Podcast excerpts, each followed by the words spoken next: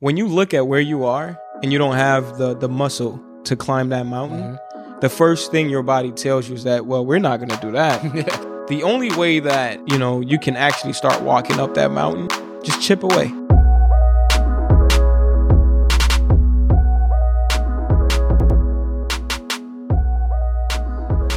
Yo, what's up? This is Juice. Listen to 1111 Podcast. Sorry for the hiatus. It's been a minute. I'm sitting here with the esteemed writer, author. Give it up. What what other titles do you think you hold? Artist.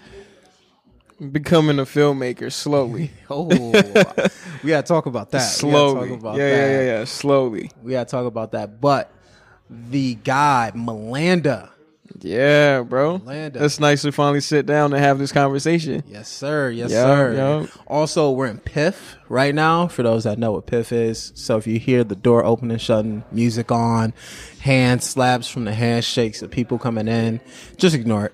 It'll be fine. It's all up. Whatever noise cancellation doesn't get, just just enjoy it. i- the background noise. Um, That's love. but yeah, man, let's get into it, bro. Where are you I'm from? with it. Um, my family's originally from the Congo. Okay.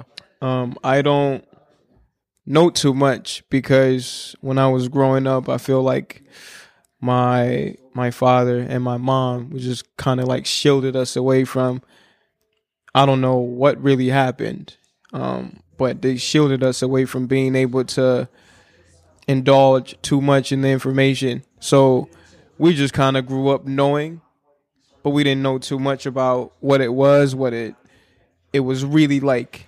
Um, so we just kind of like emerged into a, literally like a culture that I don't know. I remember being in high school, feeling divided in a sense. You know what I mean? Not really knowing where I'm really from. Okay. You know what I mean? When did you Um, move here? Wh- or when did your parents move Oh, here? I think. Uh, I don't even remember. So bro. you were born in Congo as well. yeah. So you just came here whenever you came here with your Yeah, parents. Yeah. And I was like, I don't even, bro. I don't even remember. That's how much like my my brain is like, because I'm 27 now. I just turned 27.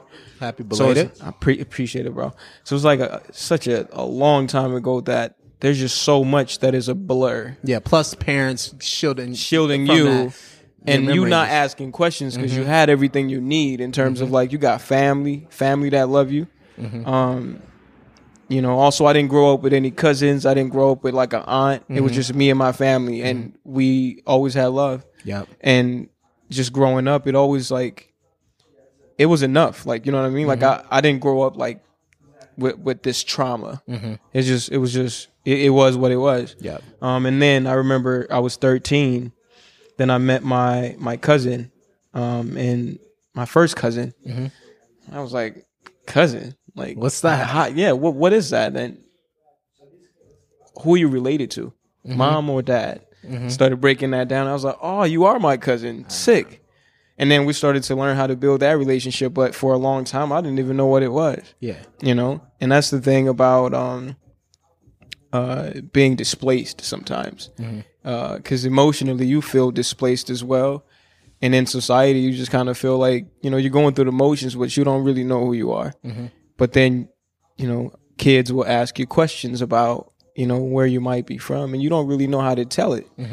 And when you don't know how to tell it somebody might make you feel bad about it as if you are ashamed of it. But really you don't know how to tell them that you don't know. Because it sounds like a lie. Exactly. you know what i mean? yeah, yeah. it's uh so it was a very interesting space but it allowed me to to really ask myself the deeper questions Mm-hmm. you know even as a kid like what am i doing here who Mm-hmm. am i uh why did my parents choose to you know to navigate life in the way that they have Yeah. so but it's been it's been a, it's been a journey it's been cool And you guys moved here to Minnesota. minnesota yeah Min- i've been in minnesota my entire So life So from Congo to Minnesota. yes from what i know of course, of course. Of course from of what course, I know, course, yes. So So you're a Minnesota native, Congo native. sure, yeah. It's uh, it's it's interesting because like even that, right? You get to a point where, like, what is it? What is it that you really claim? You know, can you claim something that you're you're not really aware of? Can you claim something that doesn't feel right in your body? You know what I mean? the the most natural thing that feels right in my body is Minnesota because that's Of course. It's all I know. It's all I've been surrounded with. Um, and it's what's protected me from whatever I was being shielded from. Mm-hmm. You know? But then the truth in it is, n- no, I'm from Congo. Exactly. orig- so yeah, I get, I get. Have you visited since? No. No. Do you plan No. to? I don't know anybody there. I mean, just off of you going as, uh, you know, Just try, fly curiosity. on a wall. Yeah, just I've I've, a- just to I've. I've asked myself if I could if I could even do that. Um, and I think for a long time there was a, a sense of resentment of not really knowing what what it was or Mm-hmm. or who's there that I might know. So even if I went, you know, who's gonna show me around? Like it's weird going if you were to go home and you don't even know how to navigate home, Mm-hmm. but nobody's there to show you here's how you can navigate home. So it's a weird feeling yeah. you know but maybe as i'm getting older maybe i'll go back and uh try to try to see what's up because i don't Mm-hmm. i know as much as anybody who don't know Yeah. you know um but we'll we'll see Yeah. Step, Yeah. step by step, step Steps. by step. Do you have any siblings? yeah i have a lot of siblings So hold on, hold on. I have a lot of so siblings. you moved here with a lot of siblings. yeah yeah because I, I have i have two older brothers and i have five sisters Younger or older? Older and i no well two older sisters Okay. and three, no, four. Shit, that's a lot. So uh, I get it. You know what I mean? I'm like the middle child, and, Yeah. and every e- everybody after me is a woman. So three younger sisters, two older sisters, and two older brothers. so you moved here eight deep. Deep, bro. Deep. Okay. Okay, that's what is it. But it's been interesting watching everybody grow. That's what I'm about to Yeah, ask. yeah. I know I have an older brother, younger, so I'm a middle child, Yeah. and seeing how they process Yeah. things because you know you all go through the exact same thing, Exact same thing, just- different version, Facts. and you Yeah. see the same thing, just a different version. What's been interesting is the personality shifts Mm-hmm. over time. Um, you know, some of us are shielded, and some of us are probably still in that space of trying to figure out identity. Mm-hmm. And um, some of us, you could tell, we've had enough conversations to understand what it might be. Um, and some of us are still stuck in this idea of questions, you know. But at least now we're older and we can ask questions if we want to. Yep. You know what I mean? And I feel like uh, my parents are at a space where they don't feel like they need to protect whatever they thought they needed to protect. So know? they'll give you the answers. there's a lot of answers that Yeah. you can if you are willing to ask the questions. Yeah. And you could tell some people don't even care. It doesn't like it's it gets to a point where it's it's it's so far removed removed from what you know as you as your identity Mm-hmm. that you might not even be curious to know. yeah. You know what I mean? Um, it, it's such a oh, bro, it's it's it's weird. I, I haven't actually thought about this in a long time. Well, s- I know it, it's tough to remember what age you are because I mean I moved here from Chicago originally mm-hmm. in like middle school, so all I know is y'all was in fifth grade, mm-hmm. whatever grade I'd be in or mm-hmm. whatever age I'd be in around that. Do you remember what grade you started here? Like even if it's elementary, middle school, high school. When you moved here, which kind of section, or is it preschool? Like you're you're a little baby? Probably like super young, like preschool. Okay. Not- if it's not preschool, elementary for sure, like second grade or something. And then the oldest sibling you have, what grade were they in? Uh, I want to say like probably middle school, maybe eighth grade, maybe Okay. possibly. Okay. Um, damn, bro, it's crazy. I haven't thought about this. Mm-hmm. Um, yeah, I want to say middle school, if not middle school, because like high school shortly. Mm-hmm. You know what I mean? Um, from what I remember, at least. But I was I was young. yeah. I was young, but also my memory is also so disconnected because my brain is weird sometimes. Like my brain protects me from things that that are overwhelming. Like it is just kind of like, you know how people black out. Yeah. My brain does that. It's funny to see when you remember them. It's usually when you're ready to remember them. Mm-hmm. That's what it is. You're, you're ready. I mean, I think.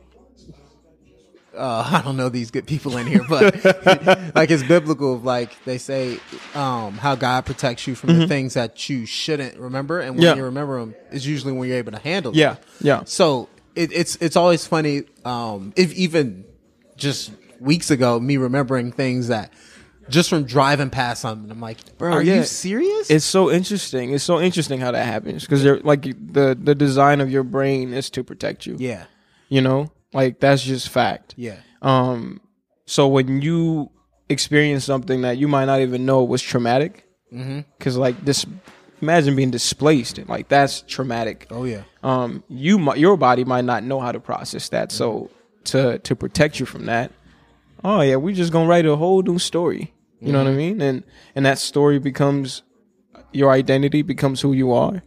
Um, but then over time, you start to lose a little bit about yourself because you still have certain mannerisms that, you know, that tell tell tell in your past. Like, oh, what is that? Why do you act mm-hmm. like that? Why are you mad when mm-hmm. this comes up? Why do you shut down when this comes up? And then when you're when you're ready to start asking yourself those questions, then you know it'll lead you to an answer. I would hope. the ability to self-assess. Oh, for sure. You got to be. That's what it is. You got to be self critical. Oh yeah, Because if you're not self critical, bro, um, I feel like so much will pass you by. yeah. Especially think- your yeah. life. I think the downfall in, in, in life sometimes happens when people don't have the ability to self self assess. Mm. It's the inability to self assess Mm-hmm. where some of the fall starts to happen. Of um, it's almost like pride, Yeah, yeah, yeah. like or it's just the decision to not get better, the decision to not be that critical on yourself. Because if you're not, then who is? But I could Mm. Right. talk about that all day. I think that's that's yeah, bro. and that's the thing. Like these are interesting conversations because, like you said, pride. You know, pride is where your fall is. yeah, And when you're too prideful, you don't have. You're not. There's no room for you to self assess. You can't be self critical, or even if somebody tries to tell you something that you might not even know about yourself. Yeah. You you know there there's a sense of omnipotence that you feel like oh you can't tell me about me. It's like yeah, Of course, somebody can. You don't see everything about you from the same perspective that somebody who's not in your experiencing your life in that same body. Somebody can always point something about you that you might not have thought of. Yeah. you know. It's like the the picture technique. I'm, I'm giving it my own name of Mm-hmm. you hanging a picture on your wall and you being extremely close to it while you're hanging it up, and you're like, "Oh, this is perfect." Mm. Yeah, yeah. And then your homie walks in through the door behind you, like, "Yo, it's crooked." Yeah. the pictures the picture's crooked actually. And I think they call that uh, being too close to the elephant. yep. when you're too close to the elephant, there's just there's an element you don't see. You know, it's like or even when we go to like an art gallery, you're too close to a painting. You can't you can't see the fullness of what it's supposed to actually express. You know, you see cracks and you see a certain color, but there's so much more when you step back. You know, and that's perspective that we need, I think, as people to to grow. Absolutely. Yeah. Absolutely. Um, which is again funny when you have siblings over Mm-hmm. there younger and seeing how they develop and who's accepting Mm-hmm. the self assessments or or who's growing. Period. Yeah. But it's also interesting when you're so close to them because they're your siblings and you love Yeah. them and you want them to grow. Yeah. You can't do it for anybody. Like Oh they man, have that's to a do it fight. themselves. But look, we're gonna, we tape that up because we could go all day with that one. Um, That's a fight. so so how was school? How was the process of school? What school did you go to? I went to Early, early, early. I think Bancroft. I think it's it's over. It's over on thirty. I want to say thirty eighth and somewhere Is it Southside? South Side. Okay. Thirty eighth and something. You're in South Minneapolis. Close to Chicago for sure. Okay. Close to Chicago, and then I went to Longfellow, Okay. which was also on the South, South Side. side. Yeah. Um, and then I went to uh, uh, Folwell Middle School. Yeah. Then I went to South for high school. Um, and then I went to the U a little bit for um, university. Then I I just didn't like that environment, so I went to MCTC Yep. to just have a, a simpler experience. Yeah. You know what I mean? And did you finish up there or no? Nah, and that's an interesting story we get into because right. Before we there, because I usually high five people when they Yeah. say they didn't finish, just because. it's it's a whole it's, it's an interesting story. Like it's it's wow. what was that? What was South High School like for you? Man, I South. South was um it was beautiful to me because I uh, I played sports. Uh, I ran sports I ran track, I Okay. played football and I played basketball. So, you know, as an athlete, um you just kind of have a different experience in school. You you just notice that the way people gravitate towards you or the way people treat you because of whatever skill you have or or or what you're trying to achieve anyway, or what you could do to help the team get better at whatever. You just have a a, a different experience in high school, I think, um, and people just gravitate towards me because I I think I'm very understanding, you know. So in high school is when a lot of people have confusing emotions. And for whatever reason I've had enough time to tap into my emotions. And when we would have conversation, it'll just make sense to other people. So um I was somebody a lot of people came to in terms of like, hey, here's what I'm thinking, here's what I'm feeling. Um, can we talk through it? You know? Um, and being that person, I also had a different experience because I don't know, I, I was pretty much liked by everybody because I was cool with everybody. Would you call yourself part. the homie therapist? For sure. I didn't know I didn't know that's what, that's what I was doing, but yeah, Yeah. for sure. Um you become that. And then it, it, it you you have to sit in that identity without knowing that that is what you're actually doing. Mm-hmm. But looking back now, I'm so happy that I was able to be that for my friends cuz mm-hmm. like confusing emotions, you go home, you got real life to deal with, you come to school, you that's like 8 hours of your day, but you still got to go home to whatever is really like, Yeah. you know, going on in your life, your real life. I think that's the crazy thing because it's almost in high school you're you're living two different realities.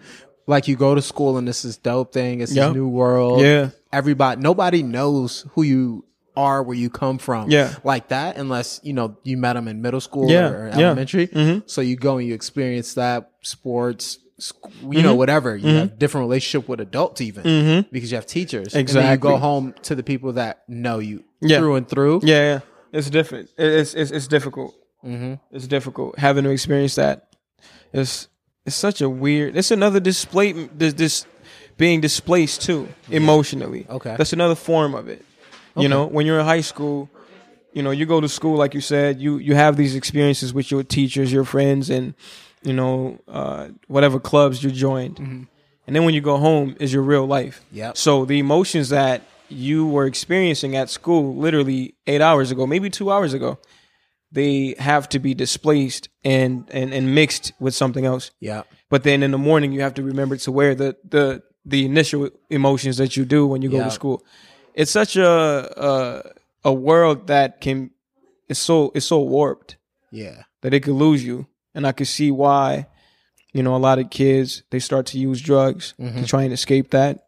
You go to as many parties as you can, not just because you're young, but because you you want to feel you want to feel something. yeah You know, outside of the drama at The home drama. or the drama at school. Yeah. It's usually either one, I feel like, Mhm. where you live this different reality when you're at school and you love it. Mhm. So when you go home, you kind of dread it. yeah, yeah, You can kind of see that with the, the kids that are like, they want to prolong school. Oh, yeah, Which is always weird, but you can, you can, you can play that. And I think Yeah, I work yeah. with high schoolers Yeah, now. So seeing it is, is insane. Or, um, the kids that just want to go home. Yeah. Because school is miserable yeah, you know and i think it's the f- one of the first times i think maybe middle school is on Mm. a very smaller level but i think high school is the first time where you experience comfort versus discomfort in life Mm. of like Yeah, yeah, yeah. Yeah, yeah. because you're either either leaving in comfort a comfortable environment like at the crib Mm. or you're going to one yeah, or Yeah. you know the terrible cases of kids having Mhm. discomfort in both yeah.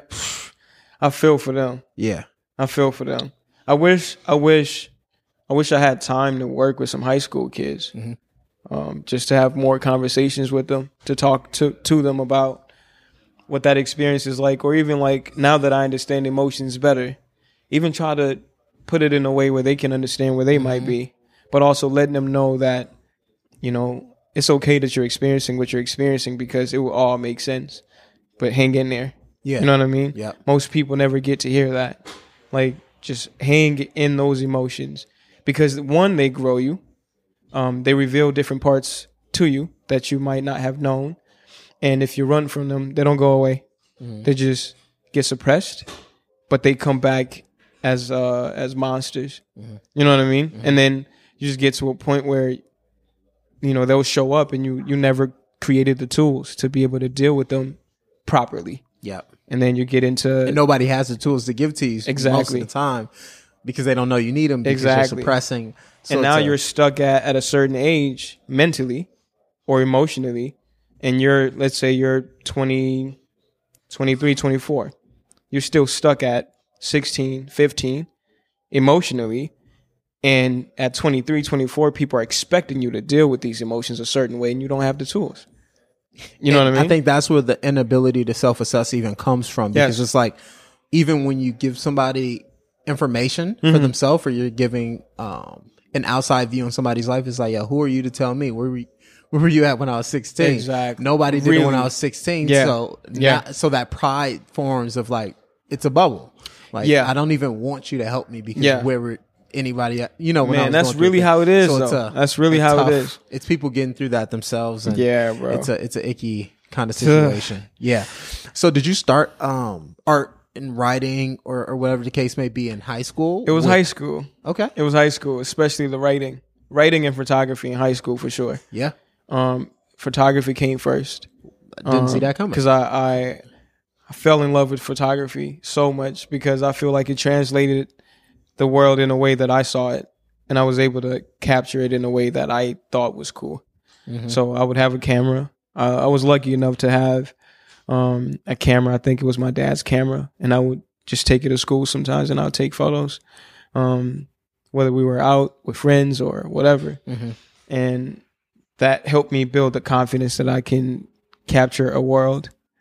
And then I want to say, uh, junior year, junior year and senior year, I started to focus on writing because, um, you know, one of my homies, Nico, he just pulled me to the side and he was like, "Bro, I think you should try writing poetry, spoken word." Just out, off the cuff, or Just you had the- been showing a few signs of being dope at it. Yeah, but it was like through like my writing class. Like, Yeah. just I, you know, we, we would have we would have to write reviews on a book or something, and you got to read it out loud sometimes. And there was a certain way I guess I expressed myself through that. And he was like, "Yo, you should try poetry, like spoken word specifically." And just even to dig into that, did he have any art interests? Like, His father is an amazing Asian American writer. okay, see, I didn't find that out until later. Okay, okay, here we go. because he was real like secretive about that. Yeah. Because he's one of those people who's really dope in terms of like he's an amazing writer. yeah, Probably one of my favorite writers. But you would never, since high school, find anything he's written anywhere online. that's crazy. But he inspires me. He inspired me to do what I do. yeah, You know what I mean? that's dope. And that's I was like, oh, That's bro. why I asked because it's Yeah, like yeah. Mm-hmm. off the cuff. That's either somebody who's very insightful, which in high school is Yeah. Mm-hmm. is it's an anomaly. But if you know, that's me walking up to this kid walking in and saying, "Yo, you should you should hoop." Yeah, Just off the cuff, or yo, Just off rip, Like you should be a rapper. yeah. Not hearing any Yeah, bars or anything. exactly. That's why I was like, okay, let's. But I think he was he was able to see it in me because of who he spent time he with. had exposure in it. exactly. Yep. But So- he was already inquisitive around that time. He Mm-hmm. was uh I wouldn't say shy. He you know, he was just reserved, but he was one of those people you could go to in high school and he had wisdom and you're like, "Huh? What what are you talking about?" Mm-hmm. Yeah, yeah. Cuz you know, you probably have these conversations with your father. Yeah. You know, and you see something in me. So he invited me to go to um uh, a poetry class after school, and this is like before like you know football practice or basketball. This I, I don't is know. junior year, too? Yeah, this is junior senior year. Okay. I want to say senior year. So I started going to that, and I started to really like write and try to, um, in, in a way that that felt like it was expressive. So I started writing, and we would share whatever we wrote. But then I would I would see people's responses when I would read my poetry out loud, and I was like, I kind of like the response. Like it, it feels like people are listening because I'm saying something that is different. But also, I'm an athlete around this time, so people are looking at me as just the athlete. Yep. You know, So it's that weird balance of all so it's so such a weird balance from athlete to emotion. It almost looks like fraud, of course, but it's, of course, of course. But you know, as an adult, mm-hmm. you, we could see. Well, no, I think that's still real. yeah, it, no, it's very real, bro. Damian Lillard's an NBA star, but Yeah. he just dropped the album, and we're like, yo, yo, Yeah, like why are you rapping? why are you rapping? You're You know what I mean? Artist, and he might be amazing. I haven't heard cold. it. Yeah, I I, haven't don't- heard it. I no, like he's odd. I don't know if I'd go through his whole album, but I've heard some tracks. Throw them on at the gym, which is crazy because I still look like yo. It's weird that It's you, weird you that you're rapping and you got bars. And, but in high school, more than ever, Mm-hmm. Yeah. it's real because it's like, ah, and I don't know, man. Like, Because in high school, there's a glass ceiling to what you can do. it, through teachers, Yep. parents, Yep. siblings, Yep. uh, people next to you, and they expect you to be a certain way. Because even when I started writing, my teammates, um, man, I got called all kinds of soft. Oh yeah, you know what I mean? I'm not even gonna say the, the names of the words, but it's one of those things like, bruh, like it, it'll be fine. Just let me let me do this because it, and I don't gotta explain it to you, but Yeah. I know it makes me feel better. Yep. Because I have a lot of uh, suppressed emotions. Because at the time too, I was, you know, me and my dad didn't have the best relationship, so that was a way for me to express my emotions. And I, if I couldn't do it on the field, or if I didn't, you know, couldn't do it with a basketball, it had to go somewhere emotionally, anyways. So that class really helped me understand that you can share emotions and you can uh, put it out, and it, it feels good to just release, yeah, you know, the the underlining the underlining um, emotions that that we have a tendency to hide because we don't understand where they Yeah. should go. So, Yeah. so I mean, senior year is what four quarters, two semesters, three trimesters, Yeah. however you slice it. What'd you do after that then? Because you, the class is over, you graduate. I graduated, Can't go then- back to unless you Then I started performing at the U of M ah because they had our voices merging. okay Um, they have voices merging. Um, these open mics. So I started going going to like a lot of open mics to just practice me getting out of my shell because I didn't share a lot of my work. How was that first open mic? I don't need. I don't want to go past that. It was, bro. It's weird. I remember it perfectly. Um, you hear your name, right? It's like, oh, so so and so is next. You're shaking, shaking, because one, you've never done this before. Two, you just heard experienced writers or people who came from theater, so they understand performance, and you're just learning how to perform Yeah. and you go on stage, you literally freeze for a second. Like in, in your inside of your body, you freeze for a minute, and you start to, you know, I I read off my phone because I, I I'm not a performer. I read off my phone, and it was cool because I think there was depth in my work, so it didn't matter whether or not I was performing or whether or not I was reading. Um, but I remember it used to take about 30 seconds for me to get over that feeling. But it, after 30 seconds, I didn't even deal with the crowd. They would disappear in my head. They weren't there, you know. But it took a minute to to get to the 30 seconds because that 30 seconds felt like 30 minutes just being naked in front of somebody. And I was like, oh shit, this is a lot, you know. And uh, I'm naturally reserved, so that exposure, it always felt it felt so different and so out of body, but it was worth it. It was worth it because I, I started to learn how to share and it pushed me to go home and write better poems. Did you invite anybody to the first one? Probably just the homies who knew I was writing. Yeah? You know, just the homies who knew I was writing. Um, and the homies that pushed me to start like actually performing. Yeah. You know what I mean? But it wasn't like, yo, everybody, I'm performing at so and so, such and such and such. Nah, you didn't get that invitation until like maybe two years down the line. Yeah. You know, it's like, Yeah. okay, I'm performing. That's- um, come through, What was the response like off, off of the first one? Bro. That's the weird thing. People have always responded to me in a way where uh, my presence made them feel something. Okay.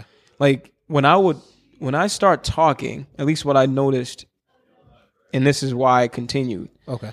the room you know sometimes people they'll go they'll get on stage and people will be still talking you know amongst themselves or at the tables whenever i opened my mouth the whole room went quiet i didn't understand what that was you know um, i didn't even understand what energy i carried that made the rooms go quiet like that but I, I kept questioning what that was and I, eventually I, I found out it's like I don't know. There's something in my voice that just makes you want to listen, but also there's a certain depth in my work that makes you um, think about your own life. So the moment I open my mouth, it's like, well, we have to listen. It's like a mirror, you know. Um, and that was very interesting. And I think those responses they made it more comfortable for me to mm-hmm. try again. even if I didn't understand what was actually happening. You know, but that that was that was interesting. That's Thinking dope. thinking back at it, that was very interesting. and then you kept doing it ever since. I started my own open mics. I All right, started oh, throwing my own open mics. so how how long after that first one? I think it took about two three years. Okay. two three years then i started to throw my own open mics and i knew i have a lot of friends who are talented. So i was like yo this, this open mic doesn't just have to be poetry. Mm-hmm. I want to see my friends sing. I want to see them rap. I want to see them dance. I want to see them do comedy. Mm-hmm.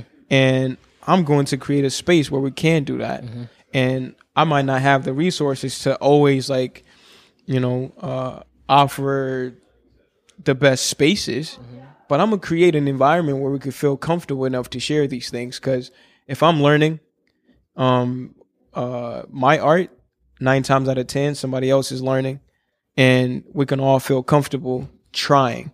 And I, I think we just kind of created a loving environment where people started to trust that it was a space where you could come and try things out. You know, so I did that for like maybe two years, and then I focused on the book, and that just took everything away. Before we get to the book, Mm-hmm. so you started the open mic. Were you twenty years old? Three years It, after it, it was freshman it was year? about 20. 19, It was about 20, yeah. So that's seven years ago. wow, yeah. 7 years ago. So that's 2013, Mm-hmm. 2012. Yup. Yeah, yeah. That's Yeah. crazy. That's it was crazy. like 2 years out of high school. Yeah, Wow, it's interesting, bro. yeah. Haven't really thought about all this. So so what? I don't. You know, again, I'm no writer or Mm-hmm. I don't do poetry.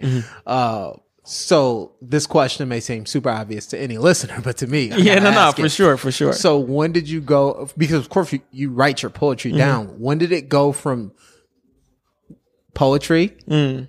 voice, to on paper? As, as as far as you giving it to the audience, Mm. when did that transition happen? Because I I'm when it came when it when it turned from performance to just paper, yeah which because you went to a book. yeah, which So- which led to a book. Yep. Um when did you? I started having conversations with my my homie Nico. Okay. Right? So- and you've been cool. Are you still cool with him? Man, that's my guy. That's bro. it. That's my so guy, since high bro. school. Man, that's my guy, bro. He um We'll talk about Nico. Okay. We'll talk about Nico. Okay. He's a he's he's a special dude. He's a special dude and I feel like like what I do today in part is to show him that we can we can go further with what we have and what we know. You know?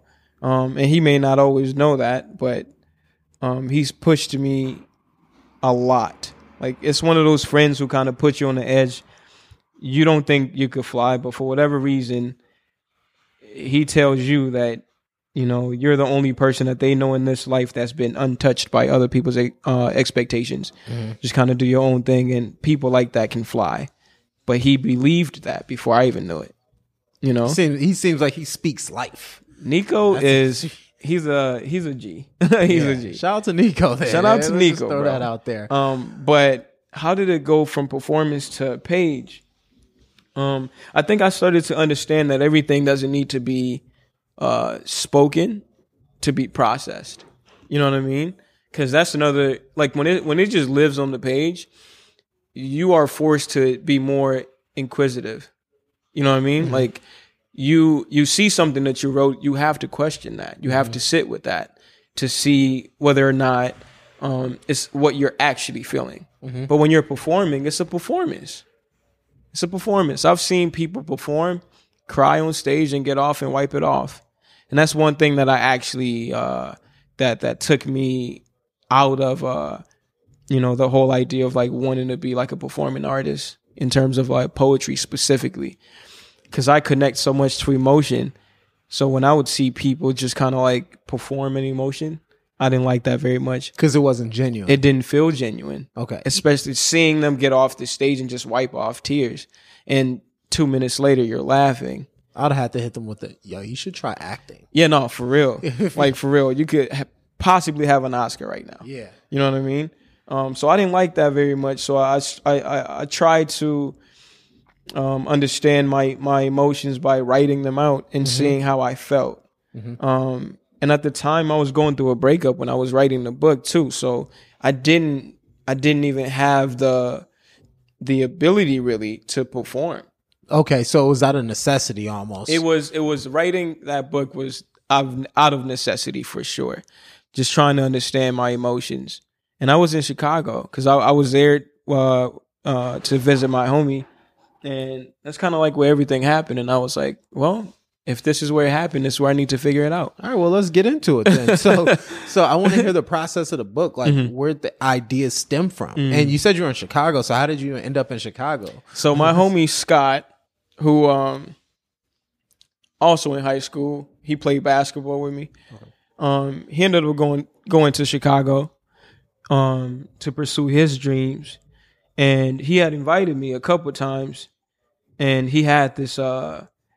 I think his aunt did real estate, so she just kind of had left him a house because she was going back and forth between Chicago and New York, and he had this whole house. It was like a three story house for like two summers. And I was like, I'm gonna just stop in, you know. But I was already trying to get away from the emotions I was mm-hmm. feeling through this breakup. And you're about 21, I'm right? about 20. 20? I'm Okay. like 20. Also, this like breakup closer is, to this is because my birthday's in December. Okay. So it's like towards the end of the year, but this is like the summer. You know what I mean? I'm about to be 21, but I'm okay. still 20. Oh, so I got you. So is this your first? Also, is this your first big breakup? Because you're 20. yeah, yeah. So, this is my first real one. Because so I, it's the first real relationship, first real breakup. yeah, yeah, yeah, yeah. Okay. Like first real, like me and you are together Yeah. and we break up. Not me and you are talking and we love each other. Yeah. whatever. Yeah. This is like real. Okay. you know what I mean? it. So that was a question. So that- is it yeah, teenage yeah. love, puppy love, Yeah, or is man. this real? This is this is nah, it. this is post puppy love. Okay. Yeah, this is post- the first relationship post. Ah, yeah, yeah, yeah. Because okay, as an adult, No you're doubt, like, oh, yeah, yeah. okay, these these emotions are real. So, you know, I go to Chicago and I'm like, man, I feel it's crazy because like Chicago has this energy that that that frees you Mm-hmm. if you're not a person who gives into the whole idea that it's just this place where everybody shoots everybody. Right. It's like it's such a dope energy there, you know. Absolutely. And uh, the the art scene is is is very vibrant. So I got to spend some time just going to other open mics. I didn't necessarily perform, but I I was taking it in, just trying to remember Expose the love. yourself exactly to it again. Exactly. So, um, but in that process, I just, bro, I would just sit every night and I, I would write as much as I can. Um, Um, with the intent to start a book, or just with Not the at all. to go from mind to paper to get it off. it was so, it was, it was more mind to paper. okay. It was so mind to paper because it started with me revisiting because I, I found my old iPhone. And That's how the book actually started. Okay. I found it, I think it was like an iPhone 4, maybe an iPhone 3. Okay. I was able to still go in my iPhone and I started to read certain text messages from like, you know, the, like the relationship or something. And that's one I want every listener to know. If you've never done that, that's that's almost law, especially in that time. Yeah, yeah, yeah. That's that's that. All right, let me if I if you find something, Yeah. let me just see where I was at. Let yeah, where I was- because you, want to understand like, and in that phone, you know how iPhones work. You take you know your thread from one iPhone and you you transfer it to the Yeah. next whatever new iPhone Yeah. is. So I had conversations in there from when I was seventeen. yeah, at this point I'm like 20, you know what I mean? About to be 21 and I have all these conversations. So I, I became curious about the evolution of how I've, I've evolved in Mm-hmm. thought. So I started reading these conversations and I'm like, damn, I started to see where I was stuck in these conversations Mm-hmm. emotionally. It's like I wasn't letting nobody in. Even if somebody expressed to me, "Oh my God, I love you like this," and and like this, I I just didn't you saw the walls that you. Had I saw up. the walls and I wanted to break them down so bad. Okay. Because also in that breakup, I started to feel stuck. Mm-hmm. So how do I understand that if I can't, you know, be critical? Mhm. You know, so going through that iPhone, I was like, what if I translated some of these conversations and put them on paper? Because I didn't know how to transfer all of it to like a PDF. Mm-hmm. So I would just sit sometimes and just type everything out. Mm-hmm. And I was like, I actually like this process. It feels good. It feels natural. And part of my book, people don't know, some of the things in that book are direct text messages from when I was 17 through 20 or 19. That's sick. But you won't know really. Yeah. But there are some structures in that book that kind of give it away, just where the placement of where the words are, Yeah. you know. Um, but it's very interesting because it even took me about three years to go back to that book and reread it because I was like, damn, did I ex- overexpose myself? But it was necessary. You know what I mean? It was so necessary that I understood that it was my life. And if I wanted to really fix my life, I had to be honest about where I've been. Um, even if it, I didn't write it in favor of whoever was a part of those emotions because they had their own way of dealing with it as well. Yeah.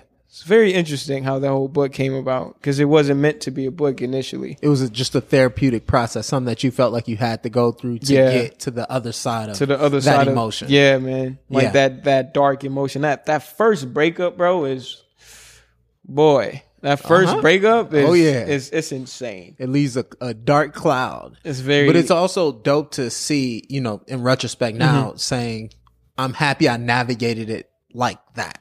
There's no other way. Yeah. Because like you don't have that person to have the conversations with. Um you just don't, and that person kind of just almost vanished. Mm-hmm. So The, the person that you would confide that in, you would confide in the person that you you you you you can even ask these questions that you have Yeah. about the relationship Yeah. is non-existent Yeah. you know like you at least not in proximity they're they're not close Mm-hmm. so what do you do you sit in that and what you try to get over that with other people i'm not that person Absolutely. i sit in my emotions and i try to understand them before i actually make a move Mm-hmm. because for me i've always i've always had this even when i was a kid i've always known that um my life was special and there were certain things that i just couldn't do how everybody do Mm-hmm. like i can't no matter how i feel no matter how lonely i feel i can't go through 20 women just to feel better yeah. I, I didn't, You know I, what I mean? I haven't got that either. yeah That's a process that, yeah but I, I want to get it Mm-hmm. to understand it. Like, so I always ask people like, so how? Like, talk, let's, let's converse to the, Mm-hmm. the closest I've been is talking to multiple people at the same time. I feel like every young, You know what I mean? man, at point, especially um, living in the cultures that we did. I'm Yeah. an athlete too, and an artist too. So Exactly. you reach different pockets, Yeah, yeah, yeah. in different spaces, Yeah. quickly. a lot quicker than most people who don't have access Yep, to that. Yeah. Mm-hmm. exactly. So that's what I mean when I say I can relate. But I, I never could relate quite to the the multiple to get over Mm-hmm. something. You gotta. It's a, that's a different process. Yeah, yeah, That's that is a different process. I've asked the same question, bro. 'cause Yeah. I, I still don't understand that because my body can't process that. Yeah. you know, and and there's a part of me that that never wants to find out Yeah. if I can even do that. But you know? shout out to the homies and homegirls Oh, that of have course. to go through that because Yeah, you know yeah. Everybody has a different process. yeah, as long as Yeah. you're you're trying to see that end. As long as you're you're getting to um the truth. Absolutely. like however that truth comes as long as you get to that you get to it. And that's one thing that i've also realized like my process is so different because of what i understand my life is about. You know what i mean? So there's certain things that i can't i know i can't do. You know what i mean? It's it's more like a values thing. it is a value system. It's like Yeah. and not to say people who do it value themselves less, because I know people who really value themselves, Mm-hmm. Oh, of but that's just the process that course. they have to go Of through. But it's uh, it's interesting to see again Mm-hmm. the values come out or the processes come out. Yeah. But speaking of the processes, so you're writing this. Are you feeling better from doing it? And slowly okay, because I, I got into reading i got into reading Okay. around the same time Okay. so i started to read um like you know my homie his aunt had so many books and I, I would just get up one because he would go to work. I'll I'll go upstairs and I'll crack a book and I'll start reading it, and I would understand some of my emotions. She had a lot of uh, uh, philosophical books, a lot of spiritual books, and uh, poetry, and a lot of uh, like Black Renaissance. yeah, So it was a lot of that combined, and I was already feeling like I needed to. I needed to understand my identity. I identity, um, even in the emotions that I felt, and it just started to make sense. Like as you read, you you just you just understand how you're feeling better. So I started to feel better, um, and I started to create more space. And I think before I left to come back home, um, I was like, I think I'm writing a book. Mhm. You know, I so think that didn't come from any outside pressure or anything. Not at just all. it was just a mental thought of Yeah. you, you having Mhm. work on your computer that Mhm. you just therapeutically Mhm. did Mhm. and it being enough to say you know but i think reading books will do that to you you'll Yeah, because you, you you like I could do this. yeah it's natural you're, Yeah, you're yeah. reading somebody else's thought process and you're like you have this exact same I have these thoughts. exactly Yeah, yeah, yeah. exactly but not only did you have those thoughts to match it you had physical work in front Yeah, of you yeah, yeah, yeah. So it made it easier for me to even uh, uh, conceptualize that I Yeah. can do that. Yeah. You know, because like, oh, these are my emotions. These are just thoughts, mm-hmm. and I could put this in a physical thing that people call a book. Mm-hmm. What would that look like? And, and I'm an artist, so it's like it was just another medium for me to express myself. Yeah, you know and uh, around that time i feel like i wasn't doing photography as much as i would have wanted to so like the writing became s- like a supplement Mhm. For what I, I was lacking in photography. Mhm. and it just made sense. Yeah. it just made sense. Yeah. And i had a lot of friends who went to like mcad so they they were already talking to me about format and structure and Yeah. like margins and all this stuff that is boring to people who don't even care about it. You know what i mean? But they made me understand that oh we can help you structure this. Yeah. If you have the words and you have the work we can help you structure this. And i was like sick let's do it So before we, we, we zoom past it, for the people who really probably want to know, because Mm-hmm. I know how I am and I read, do you remember any of the books that you were reading?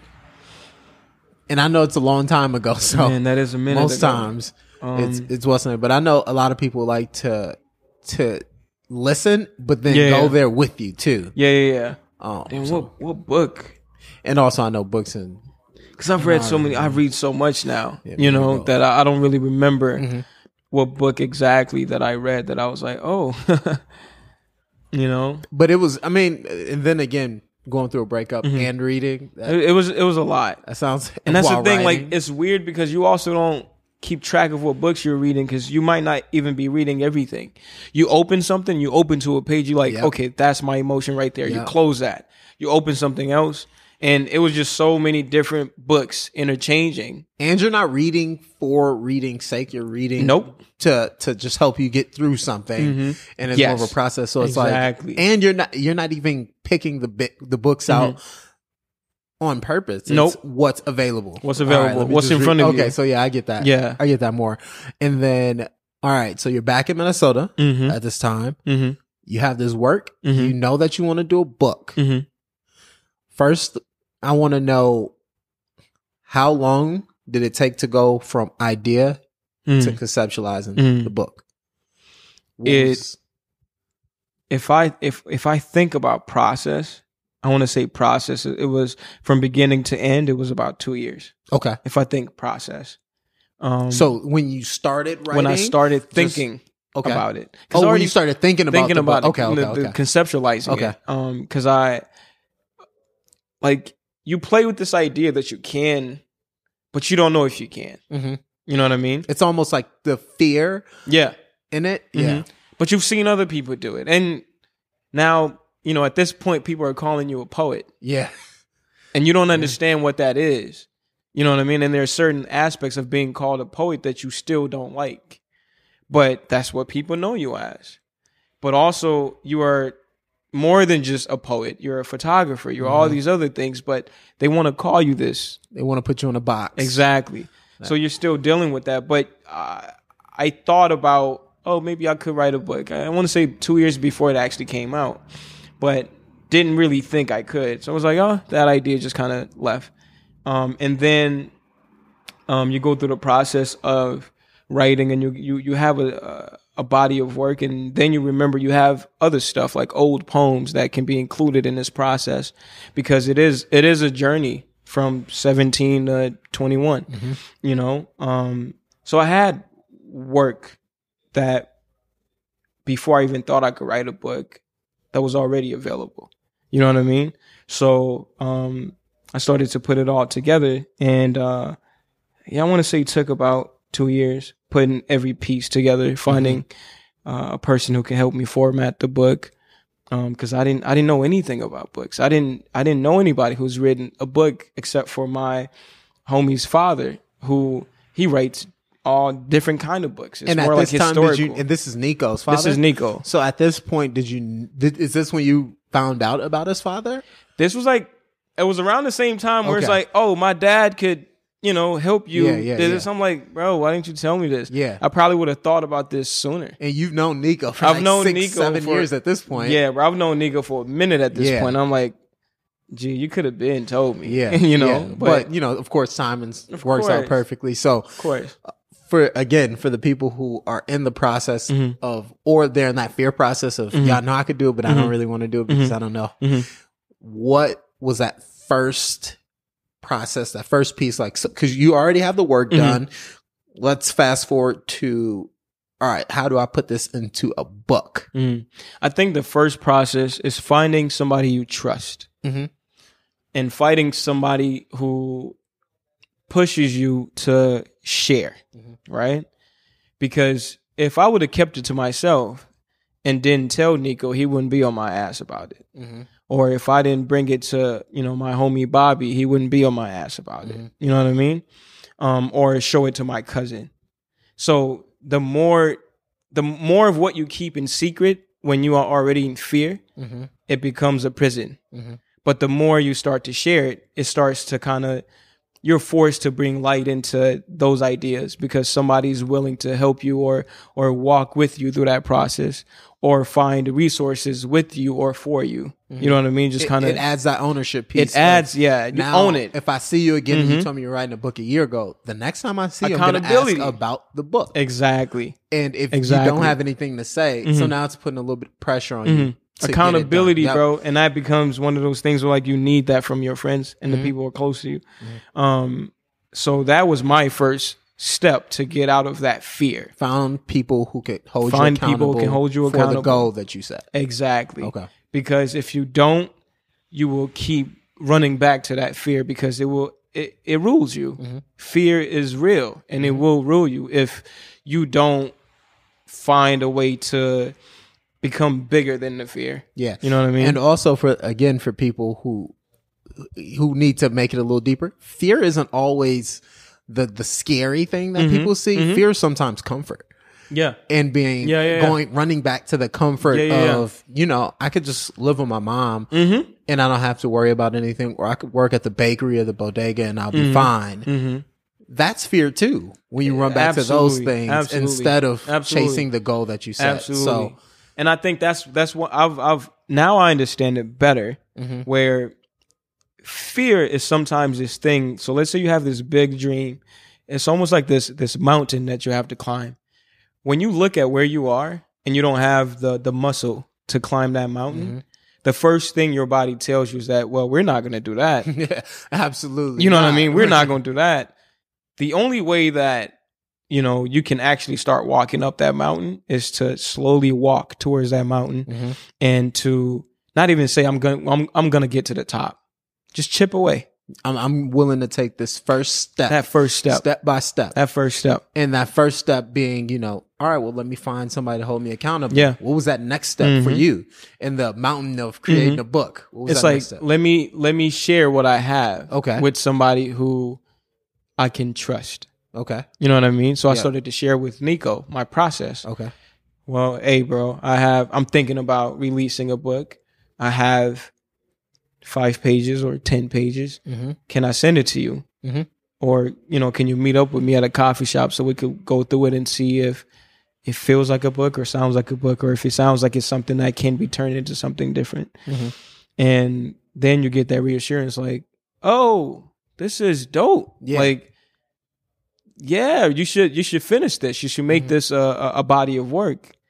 Something in you starts to believe that, Mm-hmm. you know, um, and then you go back and you add more pages and you continue to share as as much as you're comfortable with, of Mhm. course, because you don't want people to be too deep into your process as well. Like you you want you want to create a relationship with the work you're building, Mm-hmm. you know, and you don't want that relationship to be dictated with every conversation that is outside of that relationship Absolutely. you know so i would I started to find a balance on what I can share and and what I can intake in terms of like other people's uh, opinion about what I was doing. Because at the end of the day, they were my emotions to go through, anyways. You know, um, yeah. So that became like the next process, and then uh, holding myself accountable, telling myself that I have to write every single day as much as I can, and even if I didn't write a page, I should at least attempt to leave the house, go to a coffee shop, and get some work done. And sit in front of it and give your day. mind the, the time to to put it to paper. bro. Whatever every was When I tell you, I used to leave the house at eight in the morning, come back around one. Mm-hmm. It was every day, Mm-hmm. like every single day. Because I'm also very self-critical to a fault. Mm-hmm. You know what I mean? Because like I I like quality, and I also know that you can't teach taste. You know what I mean? you definitely can't. you can't teach taste, but you can you can train your taste to to grow when you are critical about the things that you think you like. Mhm. And if you care about quality, that's what you want to produce for somebody else to experience, especially if it's work that's coming from you. Mm-hmm. So I would challenge myself to go to a coffee shop every single day and write, even if it was just me revisiting what I wrote the last, you know, the previous day. I would just go back and I'll read and I'll, you know, um, experience that and and and go home, Yeah, do it again. yeah. And then how You many know? pages is the book? Like roughly. Roughly, it's about 192, I think. All right. It's So- 192 pages. So you did this for what a year, going to the About a coffee year. shop, doing About that for a year About a year. To accumulate that 192. And I'm guessing, of course, you came up with 230. Yeah, yeah. And then shaved off. You start to cut off. Yeah. Okay. Yeah. So what? Right in between that first, getting to the the the place where you write. Mm. Let's say you got up to 250. Mhm. What was the feeling like when you said, "Okay, now this is done. Like, I'm done writing right now." Hmm. Or did that process come? Or did that that point come? Or even when you cut, did you write? That was that was interesting because this is where spirituality comes in. Okay, let's hear it. I, see, I'm ready. Uh, this is where spirituality comes in because around the same time, I'm getting to know God by myself, like because my my father's a pastor, so it, it's it's, Hey, it's a wait, lot. hey, wait it's, a it's a lot. It's a lot. Wait a minute. But- for the sake of the podcast, I won't even ask. 'cause that's another. That's a whole nother could conversation. spend ten minutes in the beginning. That's a whole nother conversation. But just to graze over, off it, mic. Will my my, ask a my question. father's a pastor. okay. So you go through this these questions of like, do I believe God or believe in God because my father or my mom prays?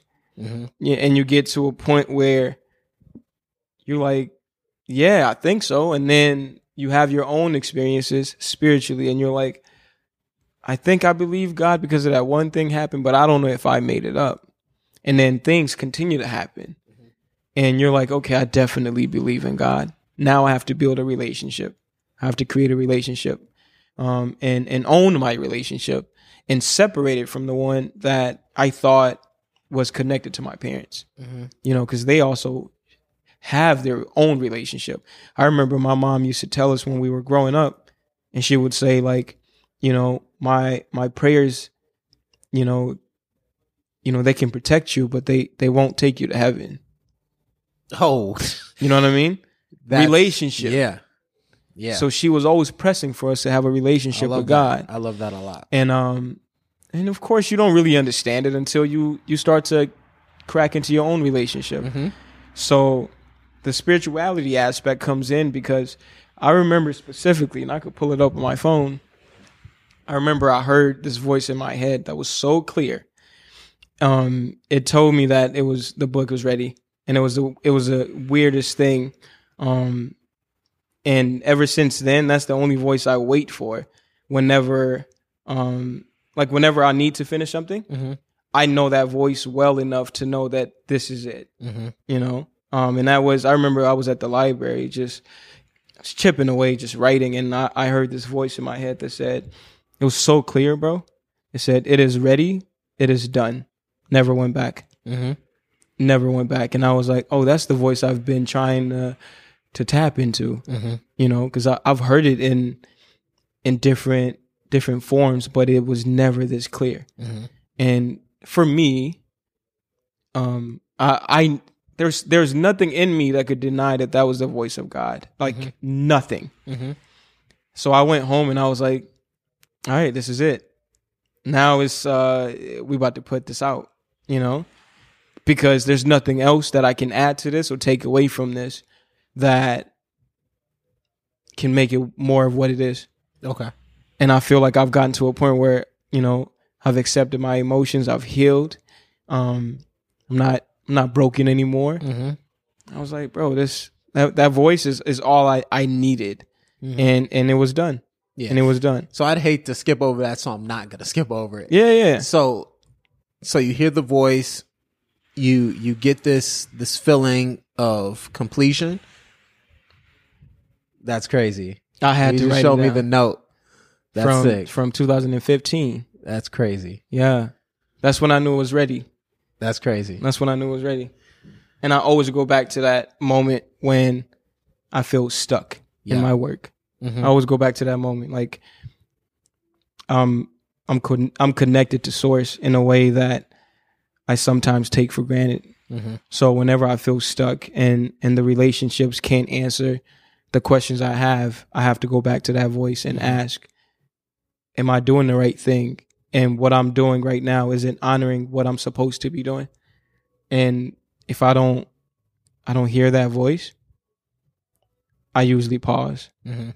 Got to take some time. So do you off. pause? Do you pray? Like, do you try to tap into that voice? Do you spend time uh, That's the with thing. God? it's more it's more so you? spending time with God or having conversations that can invite God okay. um because it's all about atmosphere Mhm. creating an atmosphere where you can you can hear that voice because that voice is is clear but it's real subtle Yeah. and you can push it away Yeah. easy Yep. through a lot of noise And I'm only gonna pause on that Mm-hmm. because the the new segment that I told you about the the Mhm. questions from friends. yeah your homie. Oh, he- spirituality. oh, yeah, yeah, yeah. Oh, he, he- he has that question, so I'm gonna get back to that. yeah we'll, we'll get back to that we'll get back to that He put that in there twice. There's- in there's- different there's forms. there's was a, like, okay, there's a reason why All right, there's a reason all right, why all right. because we we tap in Okay. we tap I know, in you yeah. know? Um. So the the book is done. Mhm. How the hell did you choose a cover?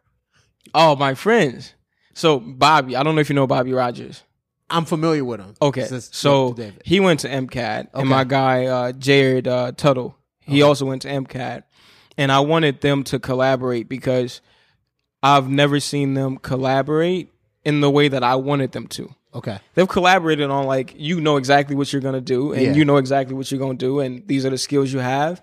These are the skills that you have. But I was like, I want this to be a mesh of three people. Okay. I want to create a world where um we're kind of telling the book like what the book means but not telling it. But I need your skills I need your skills and I need all of our imagination together. And that was a difficult process Okay. to to try and get them to to That's to actually get that out. Um but Bobby ended up drawing. A lot of people don't know Bobby's a dope illustrator. That's I wouldn't Nobody have, I wouldn't knows. A lot of people that. because it, it- right now, like his focus is photography. Yeah, but he's he actually flourishing in photography. yeah, but I he went to school for um uh to like design. That's what he went to school for. That's it was crazy. design, so he has a background in design. Um, and so dope. does uh, uh Jared. So um he did the B, and Jared uh drew the flowers, and me and Jared worked on like the final color on how things are going to look, Okay. and that was a very interesting process. But that's how that that one came about. Okay. It was almost like just this idea of um I don't know, so there's there's uh there's two flowers and there's a bee. But the idea of like not knowing what to choose or the idea that, you know, like a bee has to pollinate something, Mm-hmm. but you there's still a choice to make. You have to choose whether it's the one to the left or the one to the right. And if you want to go around and, you know, pollinate other flowers, you still have to choose where you land 1st Mhm. You know, and I feel like that bee represented where I was at that time in my life where I, I didn't know if, you know, um, it was forbidden to go to the left or the right. Because there's a part in my book um, that's called, uh, I think, Forbidden Fruits. And it's just this question of It's like this short story that kind of talks about um, these two characters, uh, Kayla and Kai, and but I paint them in a way where you fall in love with both characters, and then towards the end of it, I ask you, is it possible to fall in love with two people at the same time? Mm. Because that's where I was stuck.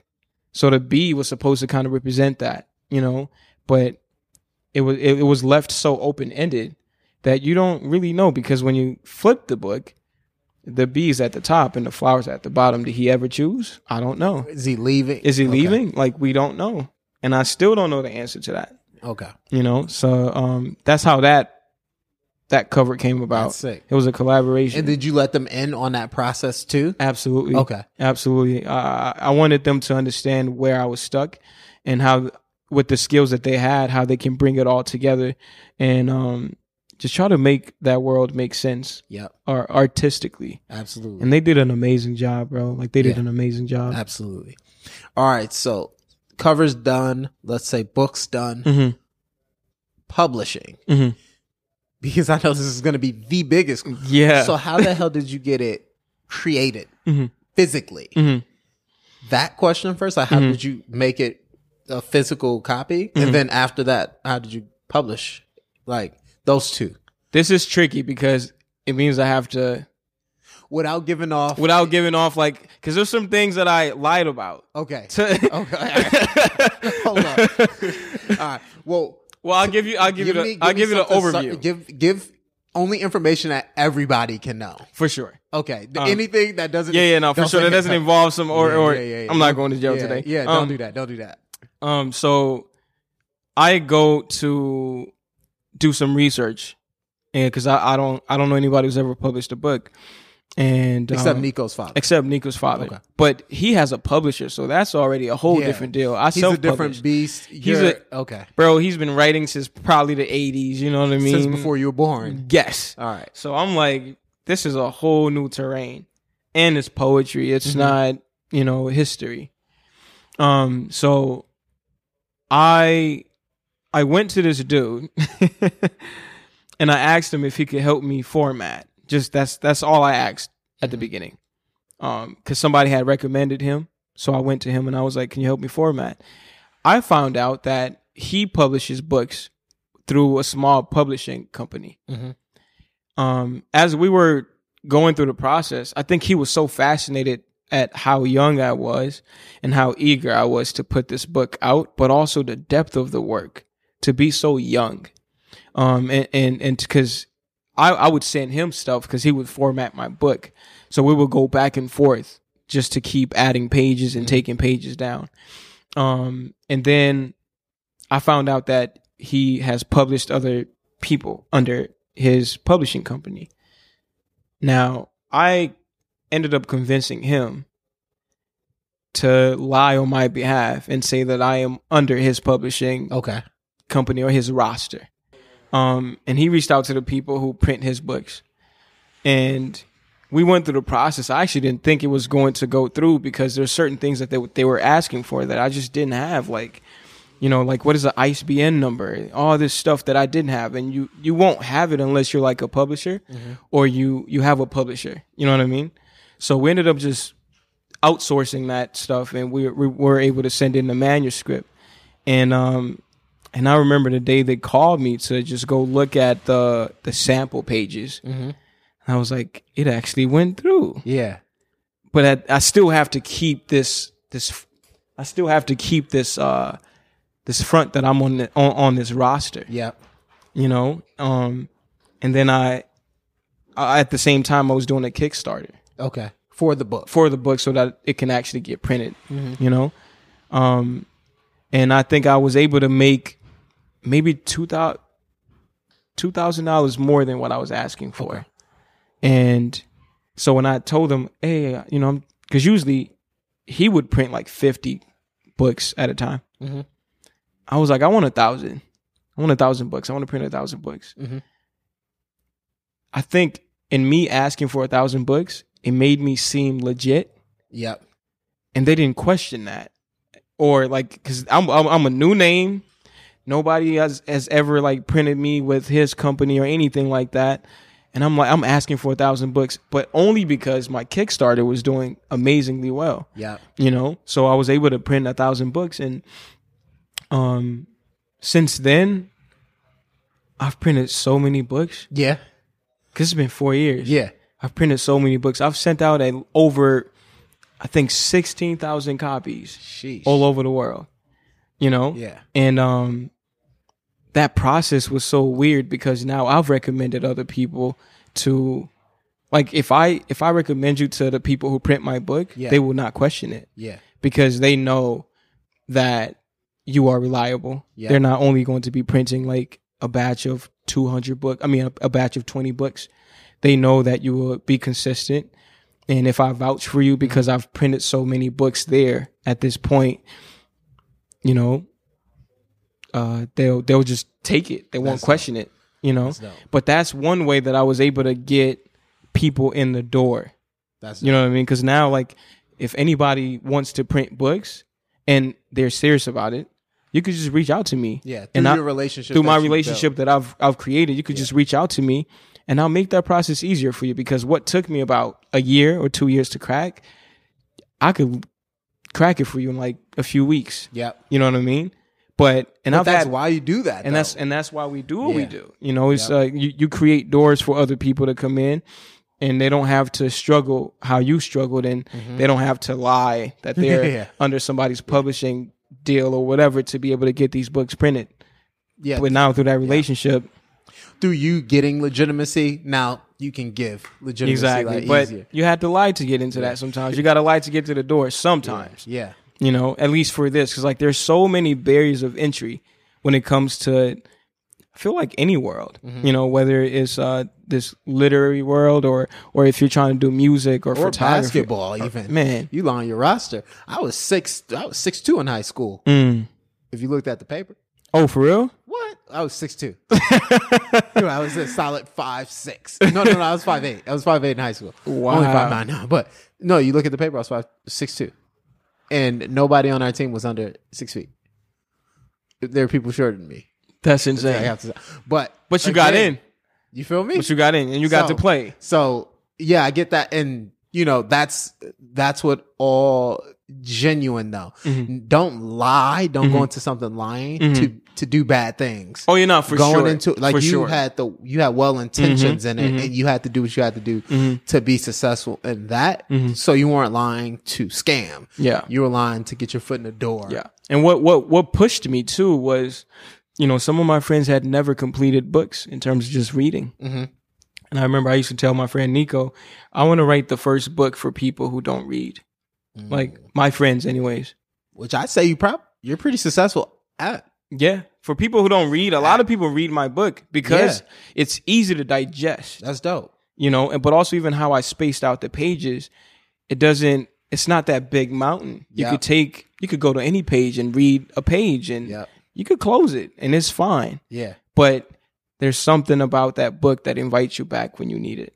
You know what I mean? It's just kind of there for you when you need it to Yeah. go back through those emotions and it's just there like that. But I wrote a book for my friends who uh um, can process these emotions. And it, I think that was the most rewarding thing when my friends came to me who I Mm-hmm. knew this is their first book that they've read and finished. That was the most rewarding thing out of the whole experience. Yeah. It's like, oh, now you like writing. I mean, now you like reading Mm-hmm. because I was able to create something that you can digest. You know what I mean? So, Absolutely. So it's it's more it's it could be a book or it could be a manual, Mhm. however you want to read it. Mhm. Yeah. That's sick. And Yeah. it's funny the people I have seen read it, they don't traditionally read. In Yeah. fact, I've referred them to books and they're like, Yeah. yeah, no, or they buy it and they'll never read it. which is cool. I think I gifted from the friend that gifted it to me that I Mm-hmm. Yeah. told you about. I gifted it to the the person, um, and read it read it in like two days. Yeah. I was like, It's- it's- I tried to give it back. I said, wait, what?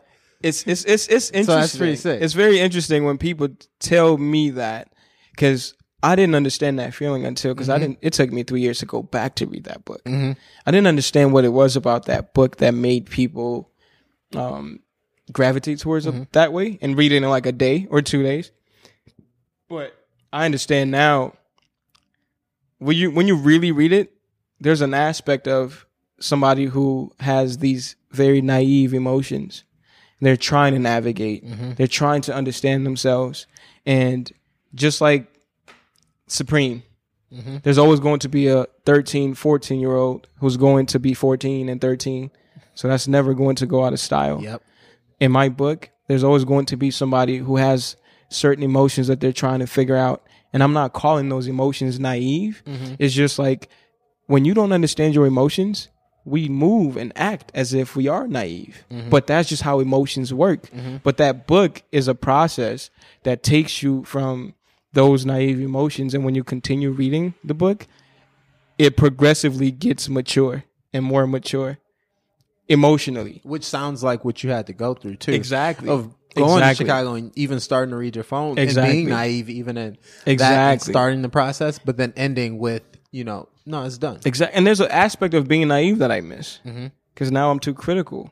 now I know too much, oh, and it doesn't allow me to express myself in a way that I could just paint the wall and not even care. But that's mm-hmm. what I felt like doing today. Mm-hmm. Now I got to think about, man, the wall is white. Why would I ruin that wall? There was a point where I never cared about whether or not that wall was white. I just needed to paint it Yep. you know so now like the the exercise was trying to go back to a place where i was naive but bring wisdom to that same space i feel like that that balance i've been trying to get back to that so i i feel like i'm a better writer when i am naive emotionally but i bring wisdom to that same space you know I get it. That's sick though. yeah That's sick. It's also dope. I think that's in self assessing too. Mm, oh of course of course Because nobody says that. And if you didn't yeah yeah yeah right, yeah yeah That's it. I don't have any tattoos, but don't? I, I don't have any tattoos because I'm I'm I'm looking at you. You have so many. yeah. Um, but to this point, if I was to ever get a tattoo, it would say everything returns. Yeah. So I've been learning that everything in life is this circle, and there's always this full circle where the things that you think you lost, you never really lose, or the things that you know you you thought you couldn't live without, you can live without. You know what I mean? And the things that you might have uh, demonized at some point, like these are the things that you return to, and that becomes uh, sacred space. You know, or even being naive. I was like, why am I so emotional, bro? That's what I do every single day now. But that's what makes me feel more present in this life. Is that everything really is this loop and it returns, but in that returning, there's growth in that mm-hmm. as well because you don't look at the same thing the same way. Mm-hmm. Like I haven't been here for a year. Being um, I've been in LA for a year. Yeah. So coming back, there's a whole different understanding that I have, but also I know that feeling that I get when I that home feeling. Mm-hmm. You don't get that anywhere else, no matter how far you go. Yeah. But I look at it differently Yeah. because everything returns. Just and as different. you you know age naturally exactly. your processing things It's is different, too. Oh yeah, and If you you're just had a birthday too, so so, like, Exactly. birthdays Bro, have this birthdays. ability to to make you just just sit and reflect on the year or Mm-hmm. Yeah. your past period. Yeah, I think. Mm-hmm. I do that. I think that's like birthday tradition for people who know how to self assess. yeah, yeah, yeah, yeah. It or changes maybe, you. Or maybe the first time you learn how to self assess is on a birthday or a it's holiday. probably your birthday, to be Yeah. honest. It's probably your birthday. yeah. Yeah. But that's super sick. Um, just because I know we can go on forever. no, no, for sure, bro. Um, we have I have this new segment called "Questions from a Friend," Mm. And of course, Sir David Maxwell had a list of questions. He probably sent me twenty questions. it was like, Yo, Sir David. does that work? Yeah, I call Sir David. He's sick. Um, so his first question off rip was spiritual growth. He wanted me to ask you about spiritual growth and your Mm. spiritual growth. So I'll even put that in in a in somewhat of a bracket and say, let's talk about your spiritual growth. Since how long have you been in LA? A year. A year. Let's talk about your spiritual growth Mm. in that pocket and how has it grown? um, in that pocket, I was forced to rely on my own relationship with God because there's so much separation that you're experiencing, and there's this anxiety to separation, like that se- separation anxiety of being so far away from family, from the people that you grew up with, um, or even your own identity because it's changing so drastically, and you have to take on new responsibility you have to check in with yourself a lot more or a lot deeper than you did when you were comfortable. Like in LA, I'm comfortable but uncomfortable at the same time. It's a new terrain. It's different than it was when I just went there to visit. You get to a point where you have to realize, okay, this is where I live now. And if I live here, what is it about the energy about this space that I I don't necessarily rock with? You know, there's a lot of uh there's a lot of fake spirituality in LA. Um from what I've observed and from my value system anyways. Um and I don't want to necessarily be a part of that, but I want to at least I wanted to uh, to get deeper into my own relationship with God so that I can better assess the spaces that I'm I'm I'm, I'm finding myself in or the people I'm speaking to and who I'm letting into my life to lead me in any way. So there was a lot of prayer, a lot of meditation. Um, I run every single morning. At six in the morning, I get up. I go to Runyon Canyon every single morning, and then I run back. And sometimes I'll just be up there and I'll just meditate. You know what I mean? Then just go home and start my day and do it over again and over again. And in doing that, um, I started to feel so connected to God because I'm infused with nature. I'm infused with my own thoughts and my emotions. And, you know, sometimes I go up there and I'll just write in my iPhone what I'm thinking, what I'm feeling. Then I would go home and I would assess um, And you're giving yourself the space the space to do to it. have that time yeah. to feel and to go through that. Yeah. You know how you go to the gym every day? Absolutely. I have to run every day. Exactly. I have and, to and, run I- and I do that because I want to give myself the space to have that beginning process Yeah. of just praying Yeah. And, and focusing, mm-hmm. honing in on the day. there's a there's a every relationship needs discipline. Mm-hmm. Every single relationship. And if you don't have discipline i feel like there's a certain there's a certain wall that you hit because you lack honor. And if you honor something you show up for it. And if i honor my relationship with god i have to find ways to not f- let it not fit it into my life but let it be in flow of my life. Mm-hmm. You know what i mean? Because i don't want it to be that thing where it's like well I'm available at 2 p.m. and this is where I could fit the conversation that I would want to have with mm-hmm. you.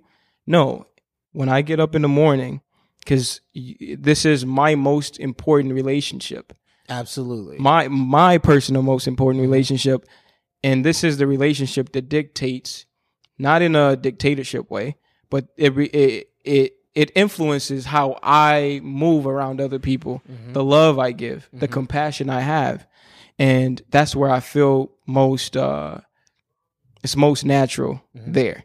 Yep. So when I'm not in that in that in that space where I'm speaking to God, I just feel off. Same. Yeah. Feel off. Yep. And if you feel like anything is important and you know, like you, that's my most important relationship. You prioritize. Mm-hmm. Yeah, yeah, for and if sure. Mm-hmm. you're prioritizing it, you make time for it and you have discipline for it. You know, if if I was committed, you know, that's that's gang culture Mm-hmm. almost too, which is weird to even put that in the same sentence, but I know kids that are in gangs are important to them. yeah. So they prioritize it. you commit when you I- commit to what you care about. Exactly. That's Yeah. what I want. Basketball. When I was in high school, mm-hmm. oh no, I was. If coach said practice was at six a.m. instead of three p.m., Yeah. I was there at six a.m. because mm-hmm. I committed to it. I mm-hmm. prioritize it. You know, I think that's anything in life and that that process. So you started that when you moved to LA, the the running. Yeah, it, it almost started immediately because I felt so far, felt so far from family, felt so far from um, relationships that I thought I had, and um, running has always kind of helped me because I ran track in high school. Yep. It wasn't long distance, but I knew how to run, um, and I knew that running is a meditative uh, uh, uh, thing where it's like when you're running, sometimes you don't think; you just think about the next step that you're taking, or you're listening to music or a podcast, and that's where your mind is for that for that time frame. You're not thinking about how bad things are. Yep. You know what I mean? And then when you stop, you're just trying to catch your breath. You know what I mean? Absolutely. So in in doing that over and over, I just started to feel clear, bro. Just started to feel clear. Find clarity. and Yeah. Yep. And then my relationships with other people started to improve because I would check in more. A certain I would check in with more care. Like I actually really care about how you're feeling today. Mm-hmm. So I'm gonna check in and I'm gonna call and I'm gonna make that time because if my if I'm if I'm making a priority with the relationship I have with God, and if that's going to help me have a better relationship with you, if I didn't check in with you, everything is in vain. Yep. Because I, I I see you.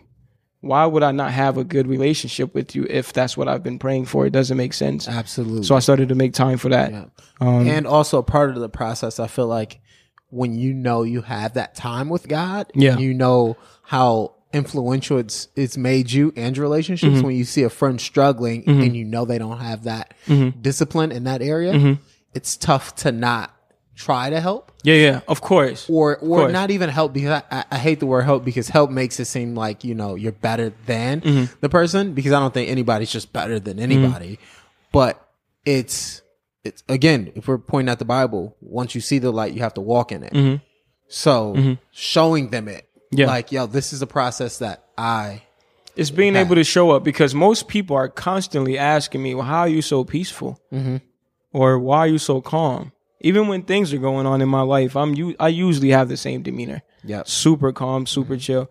And if you are asking me that, the only the only answer I could really give you is the relationship that I work on the most. The relationship I have with God allows for me to be able to to not be moved just by anything. And I know that moments and, and emotions are fickle. They'll pass. Mm-hmm. You know, like what I don't understand now or what I can't figure out right now, it's cool. You know, there's another moment that's going to come and I have clarity. Mm-hmm. But if I have the relationship with God, it's it's a lot easier for me to identify when that clarity is coming or when it's here. Mm-hmm. Because sometimes things could be clear and you don't see it. You know, and the only way that I've I've been able to see it in a way that was so clear and I cannot deny it is almost the same as that voice that I heard in 2015. It's it's very clear when something is clear to me, and if I didn't have that relationship, I don't think I would look at it that way. so you've grown very much so in your spirituality. Oh, bro, I started going to so year. much church. That's on the list he sent me. Yeah, I started going to church heavy. Um. So the next question is, you know, just to switch because I want to get back to the No, for sure. is, uh, ask about him being a famous ghost for three years and revealing himself via a selfie. Now, look, when he sent that one, I said, "Yo, surely this is a typo.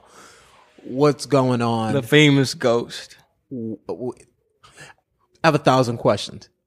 Please just tell me about what what is he talking about? What you're a famous ghost and you revealed it you revealed yourself with a selfie?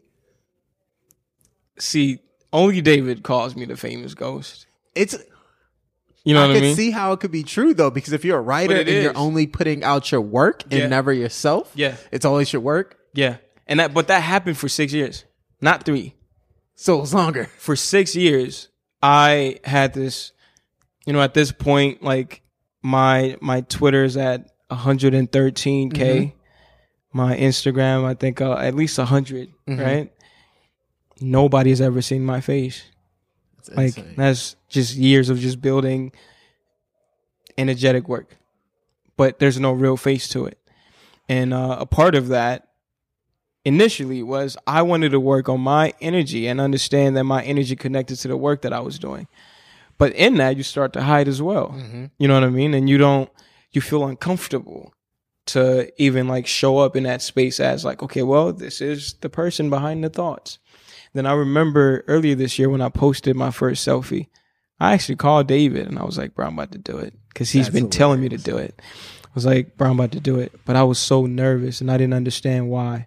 But it was something new. I mean, I don't, I don't do that, but also I'm super reserved, yeah. you know? So posting it 10 minutes in, I was like, this feels wrong. Yeah. I'm taking this shit down. Like, Yeah. in 10 minutes. I I actually ended up shutting my phone off so I don't see anything that was going on because if I did I would have taken it down. Yeah. But I knew that in order for me to get into the next phase in my life, I needed to show up for my work in the way that can be identified and you know where it's coming from and you know this is the person that it's coming from. Um but yeah, uh, you're you're you're you're famous Yeah. and and people who are famed share your work all the time. So your name is tagged and stuff, but nobody knows what this name is, mm-hmm. who it is, where this person came from. They just happen to end up on some page that you find, you mm-hmm. know? Um, and that's where that famous ghost comes from.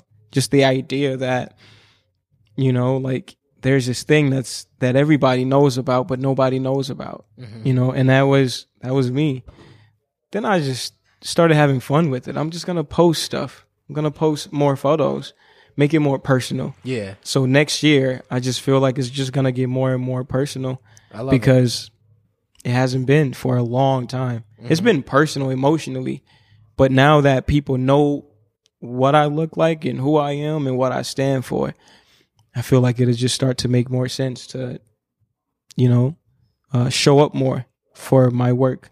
Yeah. Yeah.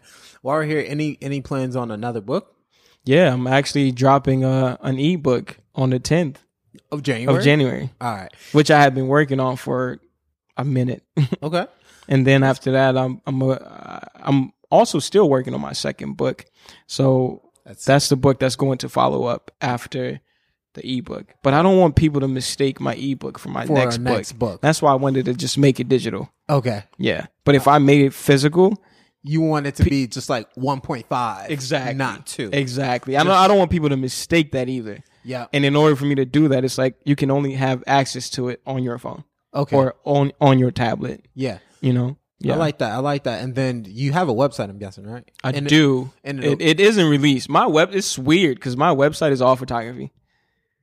No, it's not. Well, it's not weird to me because I'm a photographer and I Mm-hmm. Also, you know, I do podcasts, I do other stuff. Yeah, so because I but I don't. get that's it. not really what I show on my Okay. my my uh my um my Instagram or Yeah. my Twitter. Yeah. But it's all photography that people haven't seen Yeah. for years. Which is funny because Mm-hmm. I think I again I knew you first as a photographer, second as a writer, Yeah. just from from the friend, Yeah. And so me looking at it, like when I see you post your work, Mm-hmm. I'm like, oh yeah, that's what I Exactly. But And- most people don't know because Yeah, they're introduced funny. to the writing. the vice versa, and that's yeah. the interesting about Instagram too. When I when I used to post my photos, bro, no matter how good the photo was, Yeah. it got no love. yeah, You That's know? the photographers uh, core right now. I got a lot of photographer friends Because people are so used to just my writing. People used to actually ask me if I took those photos. Mm-hmm. And I was like, damn, that's really weird that it doesn't connect.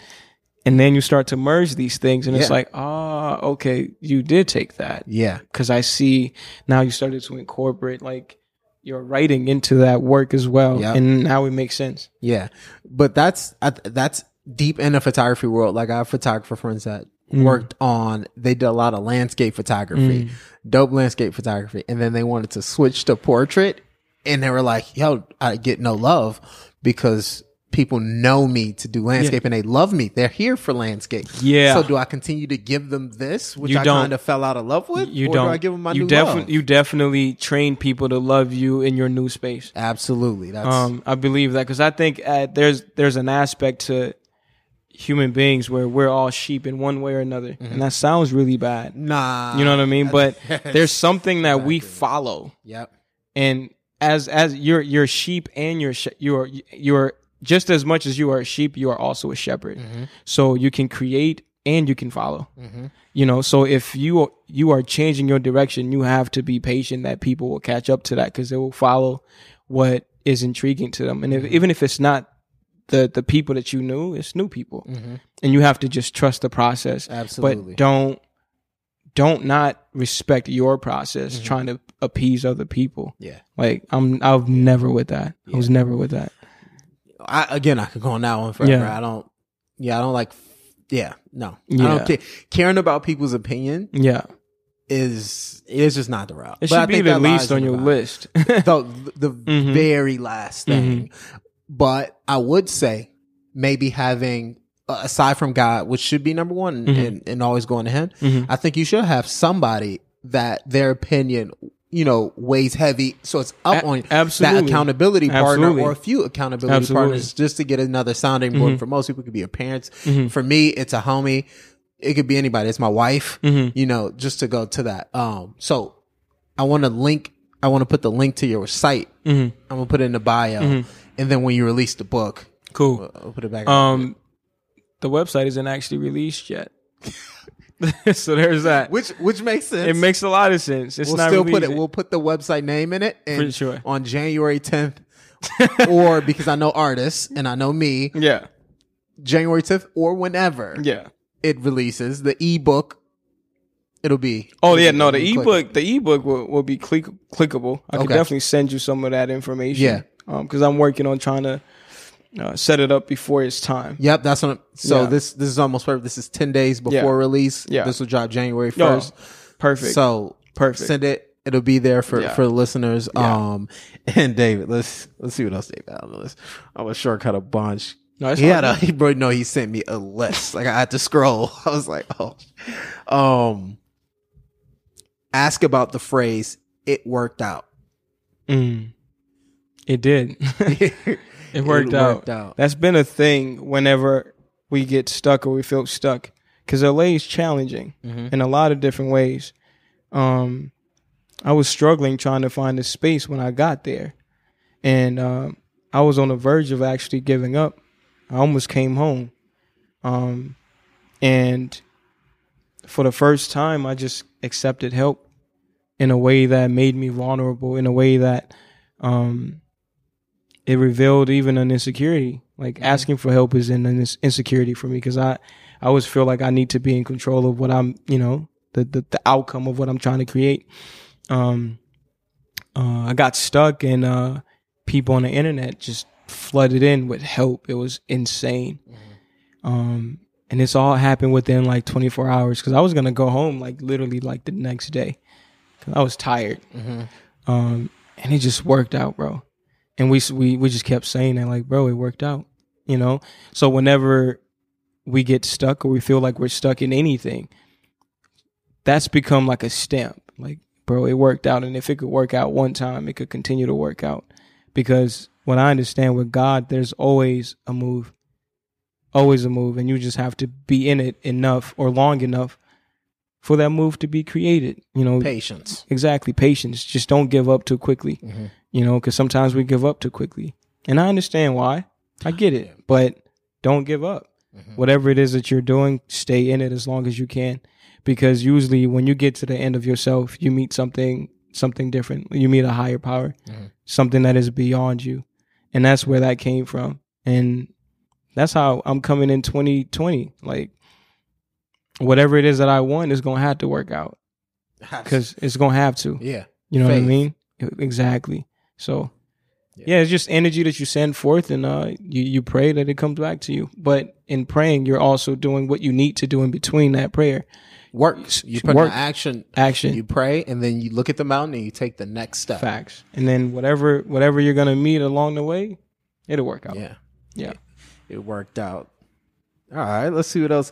One more because I see rocking the hoodie which is fresh as hell. Um, he wanted me to ask about pain is temporary. yeah, I mean, no, That's, him. cr- that's yeah. crazy that I'm rocking Yeah, this today. we well, that was all. This is perfect. Yeah. ask.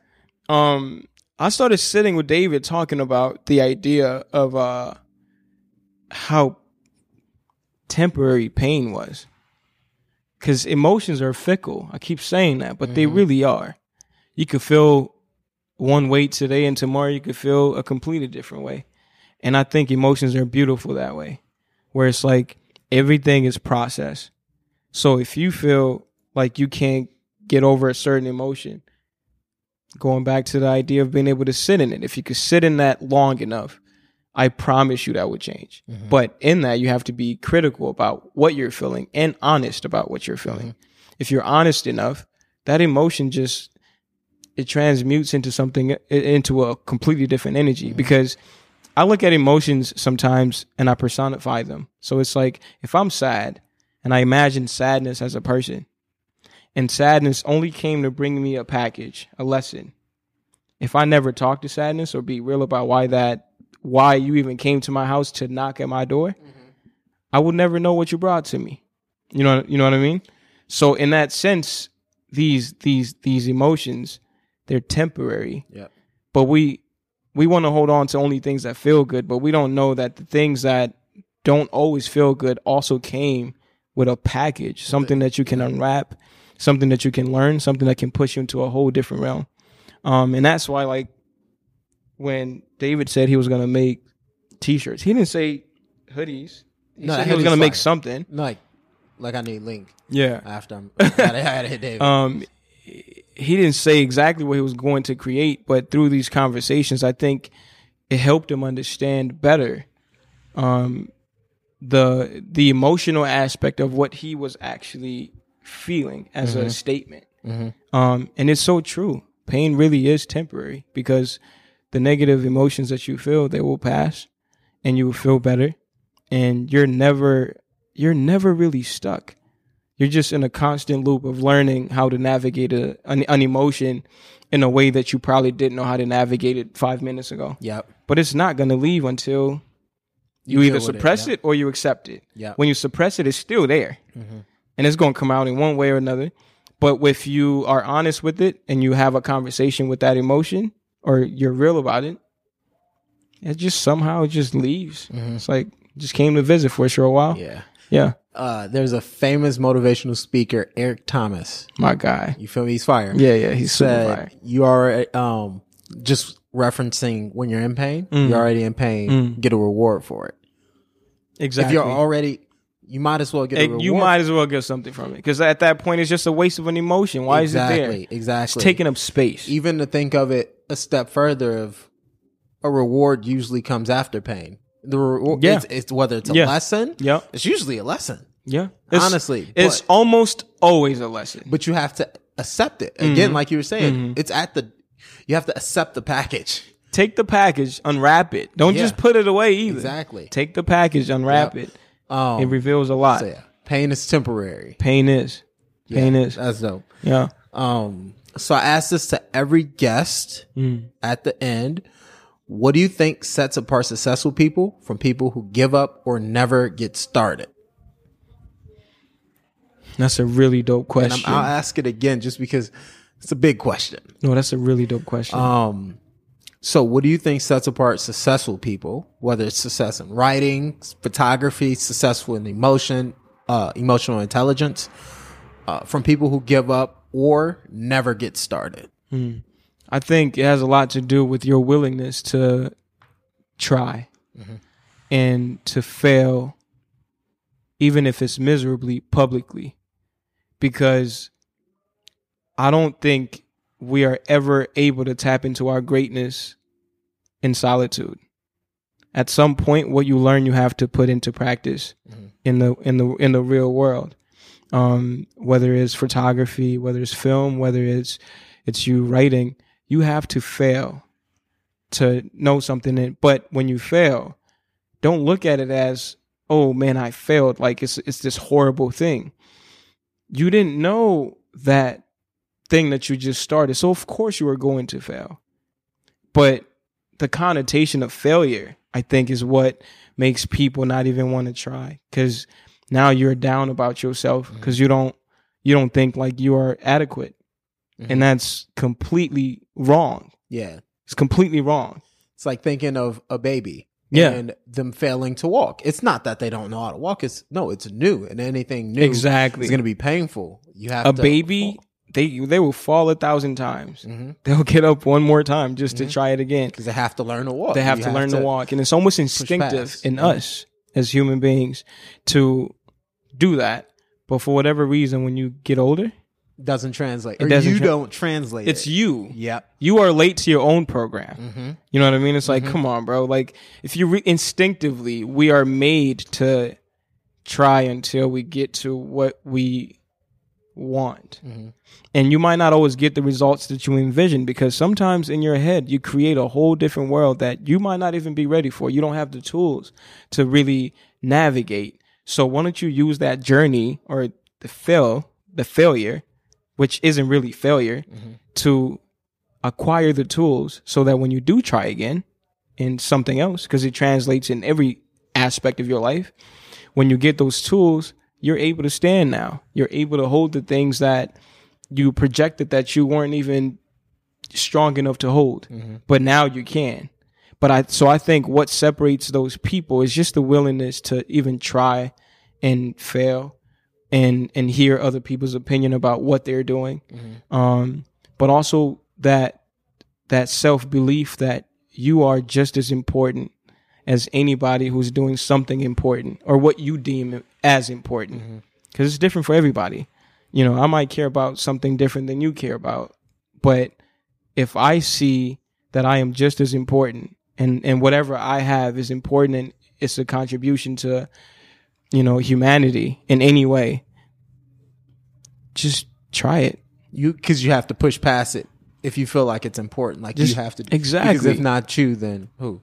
It's like like- breathing. Mhm. Breathing is important if you want to stay alive, Exactly. right? So you have an asthma attack. The first thing you you run to is hopefully you have your inhaler because you want to go back to that that breath. You want to regulate it. And if you care about humanity, it's almost like that that breath. Like why why why are you so out of sync? You know, the whole point about you being here is that you do have a purpose mm-hmm. and you're supposed to help with the you know, the the overall breadth of how humanity is operating. And yours is just as important as the person that you think is important. Mm-hmm. But what we what people fail to understand or see is that the person that we deem as important, they also went through a process, and nine times out of ten, they were stuck exactly where you are. Absolutely. If you understand that, you push past that, and then you see what you can become. Yeah. You see what you can give, what you can, what what what what is your contribution here? Because you you matter here. Yeah. That that's why you were born because you matter here. Mm-hmm. And I don't think people hear that enough. Mm-hmm. So they don't feel adequate to even want to try or try. And even if they they are amazing at something, they do it in secret. Secrets don't really reveal much about who you are. It just teaches you how to hide better, how to hide more. But that, that that doesn't help me. If I need a doctor and you're the only There's person no- that could cure me, There's no accountability. I'm gonna need you to go go to that school and learn what you need to learn, so you can you can operate on me in the way in the best way that I can that you can. Mm-hmm. You know, so Yeah. But I think that is a major difference. It's just the willingness to. It's okay if you fail. Mm-hmm. It's fine because it's not final. It's never final. Failure is not final. It's not Failure final. is not final. Yeah. Like that.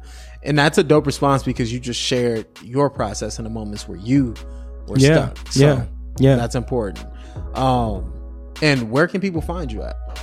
Uh, people can find me on Instagram uh, as Malanda. If you type in M A L A N D A, the first page that pops up. Um, and on Twitter, you can find me at Overly Exclusive. Um, O V E R L Y X C L U S I V. Or if you just type in my name, Malanda, M A L A N D A, should be the first thing that pops up as well. So, And if it's not, you should get back on that. and if it's not, if, if it's not me, Another Malanda pops up now. yeah, it is what it is. well, man, it's been a, a pleasure to sit with you. Absolutely, bro. I appreciate Oh. this, Let's look forward. It's a it's a nice decade in front of us now. man. Looking forward to it, bro. Oh yeah. Looking forward to it, and I wish you all the best Yep. um, with whatever you're trying to achieve, and uh, and whoever is listening, I I pray the same for them. Absolutely. Yeah. Absolutely. Well, handshake so they hear it, man. Bless up. It's been Peace real. out. All right, peace.